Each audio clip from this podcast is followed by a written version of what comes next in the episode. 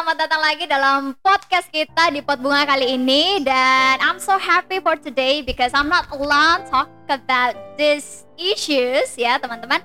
Nah saat ini karena saya tidak sendiri, I'm going to invite someone here who's going to talk to you tentang problem dan memaafkan. Alright? Alright, nah kita langsung panggil saja orang-orang terus. Oke, kita langsung panggil saja teman saya yaitu Dian. Welcome Dian. Hai. How are you Dian? Eh, baik-baik saja. Baik-baik saja.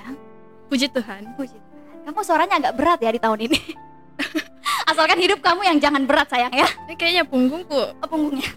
berbeban berat gitu. Oh tidak. Tenang ada ji Tuhan Yesus yang bisa pikul. Oke, nah by the way teman-teman sebelum kita ngobrol banyak tentang pembi- pembihas pembahasan kali ini, mungkin Dian akan eh, apa ya perkenalan dulu sama teman-teman sekalian. Oke. Like who are you? What were you doing before? Oke. Oke. Oke. Eh, halo semuanya yang mendengarkan pot bunga. Pot bunga ini. Ya. Perkenalkan saya Dian Purnamasari, biasa dipanggil Dian, biasa dipanggil Sayang, biasa dipanggil DP. Eh pengalaman pengalaman, Pengalaman atau kayak oh mu- mungkin kemarin waktu di pelayanan di sini sempat jadi bagian apa? Oh iya.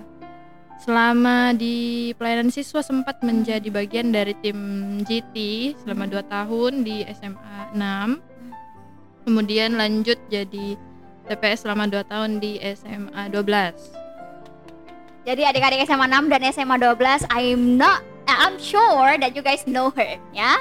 Ya, Oke. angkatan-angkatan tua tapi angkatan Oke. baru tidak. Ya, eh, teman-teman kita kan mau ngobrol hari ini tentang problem ya. Kayak agak cukup berat. Jadi oke. Jadi tolong sediakan snack. Ya, Snack minimal popcorn lah. ya. Oke, nah Dian eh, by the way, em, Dian pernah ini enggak sih apa sih kayak have you ever have kind of like problem with someone? Hmm. Baru pertanyaan pertama langsung berat ya. Pernah lah pasti pernah lah. Masalah sama orang kalau kita berinteraksi ya Hmm. pasti akan selalu ada kesempatan untuk muncul masalah apalagi dengan orang lain namanya berelasi ya ya pasti ada ada Ada-ada saja ada ya. ada saja kesempatan masalah itu ada Oke. Nah, em, karena Dian bilang tadi kesempatan itu selalu ada, ya kan? Jadi berarti hal itu tidak hanya terjadi sama Dian, tapi mungkin juga sama adik-adik siswa sekalian, and maybe with me too. Nah, pertanyaannya lagi Dian, gimana dirimu pernah? I mean, how's how's now then? Bagaimana sekarang? Maksudnya aku sudah tidak terlalu punya problem yang besar, maybe with someone or what? Eh, kalau dibilang enggak punya masalah lagi orang sampai hari ini eh, mungkin tidak tidak 100% Hmm. tapi setidaknya tidak se tidak seberat yang dulu lah ibaratnya Oh, kalau oke, misalnya kalau misalnya kantong masalah sama seseorang itu eh, 100 sekarang saya cuma punya mungkin 10 Nah. yang perlu dibereskan atau 20 Oke. yang perlu dibereskan That's the point that we are going to talk today. Nah tadi Dian bilang kalau mungkin dulu sebelumnya kantong apa ya kantong kemarahan ataupun problem dengan seseorang itu 100%. Nah mungkin sekarang 10%. Nah teman-teman kita akan cari tahu how could Dian yang dari 100% itu menjadi 10%. Oke kemarahannya ataupun mungkin problem dengan orang yang akhirnya puji Tuhan bisa diminimalisir ataupun di handle lah ya mungkin seperti itu Dian ya. Yes. Oke. Nah, em, saya mungkin mau start lagi dari Dian. How do you feel Dian Ka- ketika em, kau ini punya problem dengan mungkin bukan Diannya sih ya atau mungkin orang punya problem dengan kau Dian. I mean, how's your life at the time? Oke, ketika kita punya masalah sama seseorang, apa tadi pertanyaannya? Ya jadi Bagaimana kitanya? uh, uh, waktu kau punya problem dengan seseorang atau mungkin orang itu punya problem dengan kau Dian, gimana kehidupan waktu itu? Maksudnya kayak how how do you feel? Ketika kita punya masalah sama seseorang pasti mempengaruhi kehidupannya Hmm. kita, Pak. Eh, entah itu dia mempengaruhi perilakunya kita ke orang lain. Maksudnya bukan orang itu, tapi ke orang lain.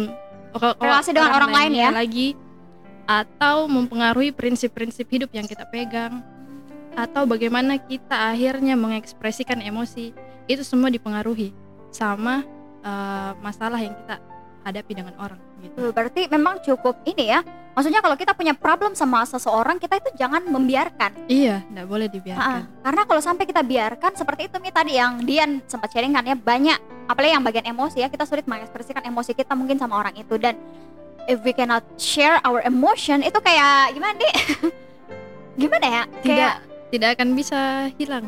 mm, mm, mm. we don't feel alive Di- Ya, Oke. Nah, sekarang the most important question adalah how bagaimana Dian solve uh, ketika kau punya problem dengan seseorang atau seseorang itu punya problem dengan kau. Karena menarik sih teman-teman. Bayangkan ya, kemarahan dari yang 100% tingkat kemarahan kita mungkin di awal, sekarang mungkin kita bisa minimalisir dari jadi 10% atau mungkin 20% lah. Nah, the question is like how? What happened? kalau ditanya bagaimana, Wih, bagaimana serem cara, suara Anda ya. bagaimana cara uh, kita bisa hadapi problem, itu. Sebenarnya kita harus kembali dulu ke kenapa kita harus melakukan atau kenapa kita harus me- menyelesaikan Mhm. problem itu. Jadi kalau saya sih secara pribadi pandang uh, kalau misalnya ya ada masalah, Iya. gitu. Kita harus sadar kalau masalah itu bukan hanya merusak relasi, Hmm. tapi merusak diri sendiri. Nah, iya iya iya. Karena ibaratnya eh, kalau masalah itu kita simpan, kita tidak tidak apa namanya?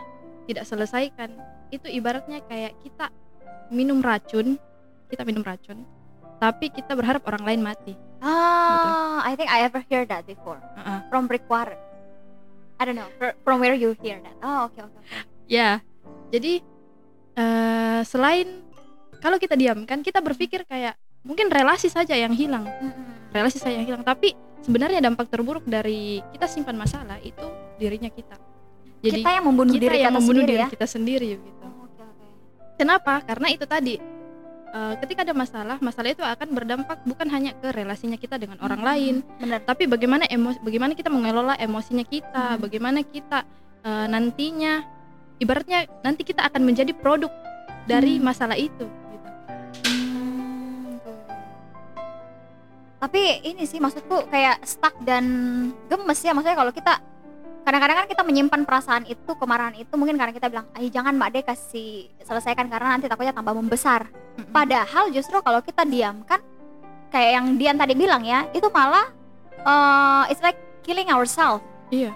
oh, oke oke Jadi dia mem, apa ya? Membunuh emosi, hmm. membunuh prinsip, prinsip yang benar. Jadi kita akan hidup. contohnya kayak gimana tuh prinsip Jadi yang benar misalnya, misalnya kayak gini. nih aku agak sedikit goblok hari ini guys ya jadi atau saya kasih case saja nah. ya ya boleh boleh boleh Jadi misalnya kita punya eh, masalah dengan eh, orang tua. hmm. oke oke oke Misal orang tua kita itu orang tua yang tidak tidak tidak suka mem- memuji Hmm, atau hmm, hmm. bagaimana sih punya tipikal standar tinggi mungkin tipikal kali ya tipikal tipikal orang tua Indonesia lah yang Hmm. jarang ada pujian. Oh iya iya iya. Kan jarang ada pujian. Terus kalau kalau marah tidak ada kata maaf. Tapi tiba-tiba ketuk pintu. Eh Hmm. baik ada tiba-tiba. ada ada pisang goreng nah makan Oh, kok oke, oke. jadi kalau habis marah-marah tidak ada tidak ada penyelesaian masalah atau tidak ada bilang maaf mama Iya, iya. salah papa salah sering Sa- terjadi memang. tidak ada. Tapi tiba-tiba ketuk pintu. Eh ada pisang goreng makan kok nah. Tiba-tiba saja baik. Tidak tapi tidak ditahu kapan. Eh kalau misalnya misal ada anak yang akhirnya eh, karena dia sering di dimarahi sama mamanya atau apa begitu kan eh, dia akhirnya punya prinsip di Hmm. dalam kayak misalnya begini dia karena tidak mendapat nilai yang bagus Mm-mm. mamanya marah-marah iya mak saya juga suka marah-marah gitu Iya, tidak mendapat nilai yang bagus mamanya Iya. marah-marah nah akhirnya anak itu tumbuh menjadi anak yang berorientasi hanya pada hasil jadi dia tidak bisa menghargai yang namanya proses, proses iya. jadi misal untuk dapat nilai yang bagus Mm. terserah bagaimana caranya Mm. saya mau nyontek kah Iya, saya iya. mau eh, saya mau curang sama teman kah terserah yang penting saya dapat nilai nilai yang bagus mamaku mamaku bangga mamaku pujikan gitu. nah akhirnya anak itu tumbuh dengan prinsip hidup yang salah Oh, gitu jadi kalau Jadi- masalah tidak diselesaikan Mm-mm. Prinsip seperti itu yang parahnya bisa muncul ya dalam Iya. diri kita. Oh oke oke oke. Karena dia hidup dalam ya mungkin ketakutan kak atau amarah benar-benar yang emosinya tertahan karena dia hanya dengar mamanya bilang ini itu dan dia harus tapi ngeri sih ya bagian emosi itu Dian kalau tidak apa ya tidak, diselesaikan. diselesaikan. Waduh oke oke oke. Nah sekarang itu kan bagian kenapa ya? Kenapa kita harus menyelesaikan problem itu? Itu tadi sudah di sharingkan sama Kak Dian eh, betapa parahnya kalau kita tidak selesai. Nah sekarang the question is like how then? Bagaimana mungkin maybe uh, when you have problem dengan orang-orang itu dia sebelumnya gimana caramu setelah kau tahu ih saya kayaknya nggak bisa dilama-lama di sini toh. Kalau saya marah terus it's going to kill myself. Nah bagaimana dulu akhirnya kau bisa meminimalisir emosimu kemarahanmu sehingga sekarang bisa ya cooling down jadi 10 atau mungkin uh, di atasnya sedikit lah Iya, kalau eh, cara sih sebenarnya tidak ada cara yang mutlak hmm. karena semua orang punya kasus yang berbeda. ya benar-benar Jadi proses memaafkannya itu pasti berbeda. Tapi kalau dari sisiku, dari sisi diriku sendiri, bagaimana supaya eh, kita bisa sampai ke kata maaf itu? Paling pertama mungkin kita harus lihat orang itu sama seperti kita. Hmm, melihat orang itu sama, Sama seperti, seperti kita Kita ini siapa? Siapa sebenarnya kita? Kita ini orang yang bisa jatuh dalam dosa, benar kita ini orang yang eh, ya manusia biasa ada ada titik kejatuhannya sendiri jadi kalau kita bisa pandang orang lain itu setara dengan kita eh, akan lebih mudah sebenarnya untuk me- menoleransi lah ibaratnya. Oh iya dia juga manusia biasa sama seperti saya yang bisa yang bisa juga buat salah. Iya iya. Jadi mungkin yang paling pertama itu. Terus eh, yang tapi sebenarnya fondasinya itu adalah nggak tahu nah kalau misalnya nggak apa-apa nggak apa-apa sharing saja sharing kan Jo kalau kita baru bisa pahami eh, orang lain setara dengan kita kalau kita sudah tahu kita ini berdosa Hmm, iya, iya. Karena kalau kita merasa kita kita tetap benar, Nah, kita kan memandang bahwa eh kok salah terus begitu ya? iya. Oh iya iya itu poinnya benar benar benar. Make sense. Nah, selanjutnya mungkin orang yang mau memberi maaf itu harus punya maaf itu sendiri. Hmm. Like what? Misal, Sorry ya saya agak on hari ini. jadi kayak Iya iya. Iya iya. orang yang mau beri maaf itu harus punya maaf itu sendiri. Maksudnya Hmm. begini, kayak kayak misalnya kita eh, mau kasih uang orang di jalan, Hmm. tidak mungkin dong kita kasih Uang kalau kita nggak ada uang. kalau kita tidak ada uang. Oh iya iya. iya. Eh, saya pengalamanku bagaimana supaya bisa kasih orang maaf. Entah ya, pernah nggak sih kita merasa kita bersalah sekali, Hmm. Iya iya iya iya. iya. tapi kita dimaafkan, Hmm. kita terima maaf. Padahal kita nggak layak mungkin Mm-mm. dimaafkan ya. Iya pernah pernah. pernah momen itu ku dapat waktu eh, SMP kelas 3 momen ya kita memang merasa kita salah kita berdosa tapi kita diampuni begitu. Hmm. karena kita sudah dapat pengampunan dan maaf itu akhirnya kita bisa untuk kasih maaf ke orang.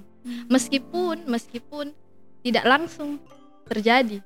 Oke. jadi misal misal ya saya bertobat waktu kelas 3 SMP Oke. proses memaafkan orang yang paling sulit dalam hidupku itu baru bisa terjadi pas saya kuliah.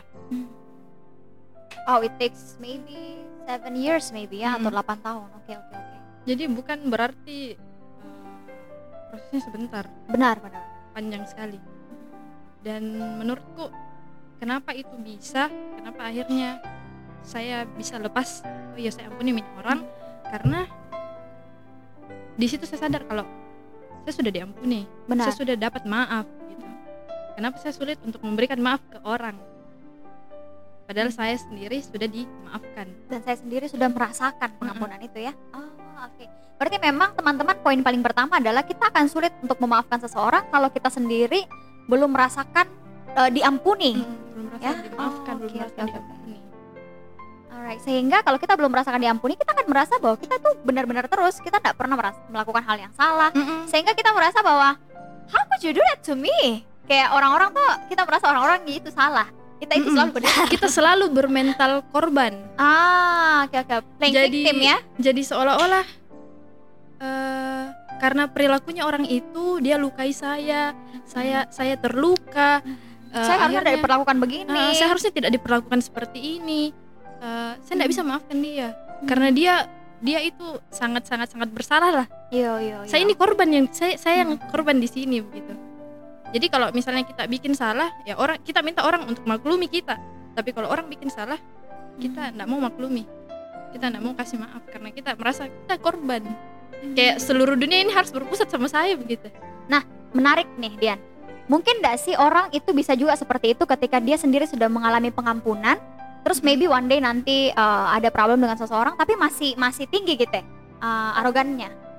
Mungkin nggak sih kira-kira begitu Eh, mungkin. Hmm. menurutku nah, mungkin. Iya benar-benar. Karena eh, karena kita manusia biasa ya. Iya kita manusia biasa dan proses Iya. memaafkan itu tidak tidak. tidak cepat. Jadi mungkin mungkin saat itu dia masih masih punya luka yang belum beres. Meskipun dia dia berusaha untuk bereskan tapi masih ada saja trigger yang masih tidak selesai. Proses bertahun-tahun ya memaafkan itu proses jadi da- mulai dari luka itu timbul sampai luka itu sembuh itu beda-beda setiap orang Jadi jangan sampai ada judge-judge di luar juga sih. Misalnya kalau kamu kenal sama seseorang yang, "Ih, kayaknya dia anak Tuhan banget begitu." Tapi kok enggak, wih belum pi memaafkan begini-begini begini. Uh, by the way guys, I mean every human um okay, we we love God of course, Mhm. right? Tapi uh, kita juga di tengah manusia kita yang berdosa, kita bisa sekali juga jatuh gitu dan kita Ya. masih masih apa ya, yang masih masih sakit dengan masa-masa itu dulu ya. Jadi uh, hal juga yang mungkin buat kita sulit untuk sembuh karena apa ya? eh, kita merasa eh diriku baik-baik aja begitu padahal sebenarnya kita merasa diri kita baik-baik karena kita anak Tuhan gitu loh ah, ah. kita anak Tuhan padahal eh, sebenar karena ada label-label itu tadi ya anak Tuhan itu harus mengampuni apa ah, kayaknya baik-baik tapi sebenarnya ada problem yang yang ada dalam hati kita dan kita tidak mau claim itu as a problem Iya. jadi Jadi Ah. kita seolah-olah hidup eh, dengan label ya baik-baik saja. iya Tidak ada masalah karena saya anak Tuhan. Tidak Hmm. boleh tidak boleh terlihat ada masalah. nah itu Tidak yang boleh terlihat ada masalah. guys please ya don't ever judge that kalau kita anak Tuhan itu tidak ada di problem ya I mean we're st- I mean kita semua itu manusia Malah biasa malah perjuangannya semakin berat justru. benar benar benar benar benar oke oke oke oke nah yang saya tangkap sih Dian dari sharingnya Dian tadi berarti yang pertama itu memang kita perlu mengalami dulu pengampunan dari Tuhan ya Mm-mm. terus sudah itu uh, meras- melihat memang ya kalau saya pertahankan ini terus akan ya saya sendiri yang akan uh, Rugi. rugi gitu ya nah kalau hal lain mungkin yang bisa kita lakukan ya Eh, menyelesaikan ya, Nah, menyelesaikan iya, dalam artian gimana? kan kita punya emosi-emosi itu. Jadi kalau Mm-mm. misalnya kita marah sama orang, kita punya emosi-emosi itu. Selain kita bawa ke dalam doa, iya pasti kita doakan lah. Kalau misalnya kita memang mau menyelesaikan masalah itu, kita bawa itu dalam doa. Tapi menyelesaikan itu bukan hanya secara vertikal, hmm, perlu doa saja gitu ya horizontal juga. Jadi eh, saya selesai mendoakan bagaimana supaya masalah itu selesai. Saya harus punya aksi, sepakat entah itu dengan minta maaf kah, entah itu dengan memperbaiki relasi kah. benar Harus ada aksi. Karena kalau misalnya kita hanya bawa eh, di dalam doa, itu seolah-olah hanya formalitas di menurutku. Hmm, Itu sebenarnya kita sedang tidak mau sebenarnya eh, berbaikan dengan orang itu kita karena mungkin menjaga benteng emosi Mm-mm. kita ya gengsi kita masih ya. ego. Hmm. Karena tidak menyangkal diri bersalah. Ya, ya, ya. kita hanya mengakui Tuhan saya berdosa saya saya marah sama ini atau saya terluka karena sifatnya ini ini tapi, sama sekali tidak ada aksi untuk memperbaiki saya sangat setuju sekali sih. Kadang-kadang memang eh, kita berdoa gitu tuh sama Tuhan, Tuhan tolong dong berikan hati untuk mau mengampuni orang ini. But if there is no action, how could? Itu kayak ya imannya iman yang mati begitu ya. Mm-mm. We pray something too much sama Tuhan, tapi there is no action. Uh-uh. Oh, oke oke oke. Jadi memang mungkin iya sih humble-nya kita yang sulit kali ya. Uh-uh. menyangkal apa ya apa menyerahkan ya? menyerahkan Iya. egonya kita dan dirinya kita menyerahkan hatinya kita lah yang susah Iya, iya. karena ya gengsi could ya? siapa siapa yang mau minta maaf di zaman sekarang ya. Siapa yang mau minta maaf dulu sama orang tuanya? Yang mak maaf tadi saya salah. Susah sekali dapat anak-anak yang apalagi di tengah culture Indonesia Mm-mm. yang kita tidak terlalu pede untuk say uh, thank you, Sorry. love atau sorry. Oh. orang tua saja. Orang tua bukan- jarang. ah, karena orang tua tidak mengajarkan kita ya kita juga tidak melakukan ah. itu. Nah, Ah, ah, oke, oke, oke. Nah sekarang kalau itu tadi langkah-langkahnya Dianto, kita bawa dia ke dalam uh, doa dan harus ada actionnya juga. Terus em, apa indikator yang akhirnya saya bisa tahu, oh saya sudah benar-benar mengampuni kau ini. Bukan bukan berarti kayak eh, jangan sampai karena jangan sampai saya juga menipu diriku sendiri. Misalnya, ih, iya saya ampuni mi dia tuh, eh, sudah minta izin, minta izin. Terus tapi kalau misalnya dibahas apa gitu kayak eh, kita menghindar atau apa. Nah mungkin ada indikator-indikator lain lagi mm-mm. yang bisa memperlihatkan bahwa I'm truly forgive him or her. Kalau saya yang pertama pasti relasi. Kembali ke Hmm. relasi. Relasi itu entah itu sudah rusak kah atau se- sebenarnya tidak rusak sama sekali. Relasi itu pulih. Uh, pulihnya itu dalam artian relasi itu tidak stuck di tempat. Jadi misal uh, misal namanya itu? Garis garis Apa angka garis garis angka. Yang Garis-garis minus nol Oh, minus nol positif. Anu anu. garis bilangan. Ya iya garis bilangan. nah itu. Mau nggak bilang integer number. kalau kalau relasinya eh kalau kalau kita betul-betul memaafkan orang pasti kita dengan orang itu akan terus mengarah ke ke angka yang positif lah ibaratnya. Misal eh, Kak Mes bikin salah sama saya. Mati. terus saya bilang oh iya kak Iya, sudah saya sudah maafkan. Hmm. tapi eh, saya jaga jarak. Nggak mau bicara. nggak mau bicara. Nggak kalau kalau kalau Kak Mes ada di situ ya Menghindar. saya acurkan maksudnya masa bodoh lah begitu. Yang penting saya bilang sudah saya sudah maafkan. Dia sebenarnya enggak, enggak dimaafkan. Hmm, karena- benar-benar. dia masih menjaga jarak. Dia masih tidak membangun relasi yang menurutku kalau misalnya orang kita sudah maafkan orang kita semakin mengasihi orang itu Hmm, justru semakin lebih bagus ya Mm-mm. relasinya daripada yang sebelumnya mungkin yang sudah baik tapi harusnya lebih baik lebih lagi. baik Karena sebelum-sebelumnya kita ada problem yang deep dan ketika kita bisa face problem itu ya harusnya relasinya lebih deep lagi dong, Mm-mm. lebih baik lagi. Wah, menarik sekali ilustrasinya di Dian sih guys tentang apa tadi? Bilangan apa? Gar- garis bilangan Bilangan number. Aduh terlalu sering berbahasa Inggris Hati labil-labil ya. ya, tapi menurutku itu ilustrasi yang menarik sekali sih Dian karena justru ketika kita memaafkan orang tahu guys, tadinya mungkin eh, awalnya kan kita positif lah sama dia ya. Let's say angkanya dua lah, baik di relasi gue sama dia. Eh tiba-tiba ada problem, jadinya let's say minus tiga gitu Hmm. toh. Ini perumpamaan yang kau pakai tadi toh. Nah, terus kalau saya bilang, iya saya maafkan mau kau begini-begini, tapi kayak yang Dian bilang tadi ya indikator-indikatornya apakah saya sudah maafkan atau tidak. Saya masih jaga jarak, saya tidak mau lihat dia, saya Hmm. mau menghindar, saya kayak masih kekel gitu hatinya. Akhirnya kayak oke, saya bilang saya maafkan dia, tapi angkanya mungkin ya minus 5. Gitu toh. atau Nah. mungkin ya paling bagusnya nol saja Ah ya, Nol. nol. Gitu toh. Oh iya, jadi kan sudah pernah bilang, iya saya maafkan. Ya Hmm. maju sedikit lah. Gitu. tapi nol Tapi tidak terlalu lebih baik daripada di awal sekali ya. Heeh. Nah harusnya memang ketika kita memaaf, memang pure ya, pure memaafkan dia, harusnya relasinya bisa positif, malah lebih baik lagi. iya Tadinya ya dua, ya mungkin bisa kembali dua atau tiga, lah ya. tiga heeh. Iya. Dan iya sih maksudku harusnya memang lebih deep. Akhirnya deh, karena kita sudah bersama-sama melewati problem yang it, it hurt you and also hurt me. yes Ah, oke oke. saya cuma bisa bilang yes di sini guys nggak bisa bahasa Inggris Oh, lagi tilap-tilap saya ini. Oh, oke. Karena menurutku sih menarik sekali tahu teman-teman ini ilustrasi ini dan uh, buat saya juga nggak tahu ya kalau dengan adik-adik sekalian. Is the first time for me mendengarkan ilustrasi itu. Oke, nah hmm, pertanyaan selanjutnya lagi Dian. Hmm, sekarang apa pendapatmu? Eh, ini kan mungkin agak bisa mengkomentar stok. Tapi sekarang bagaimana nih kehidupanmu kurasa ketika aku akhirnya bisa lebih meminimalisir lah uh, emosi-emosi itu. Hmm. How do you feel than before?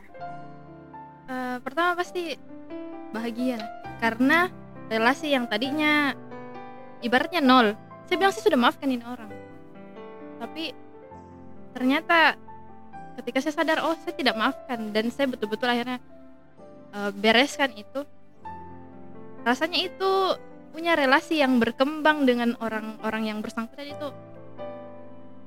Enak sekali. Betul. Enak sekali. Betul. Jadi apa nih kayak kayak poin lebih dekatnya mungkin Ah, ah. kali ya? Oh. Akhirnya sadar kalau ternyata bukan bukan soal harga diri Hmm. tapi soal relasi. Kayak ada hal yang lebih penting di dunia ini dibanding harga diri. Benar dan itu relasi. Wow. Kayak that's a deep word. Keren sekali pokoknya. Nah, berarti sebenarnya maksudnya kalau dari eh, sharing-sharing kita nih ya, berarti sebenarnya problem is worth it. Problem sebenarnya dibutuhkan ya. iya. Maksudnya kalau tidak ada problem itu, mungkin kita kalau akhirnya pure pure memaafkan ya, mungkin kita tidak akan sedekat ini kali ya. betul. Dan kita jadi tidak tahu oh sebenarnya ternyata ada hal-hal yang bagi kita biasa tapi ternyata melukai hatinya orang lain.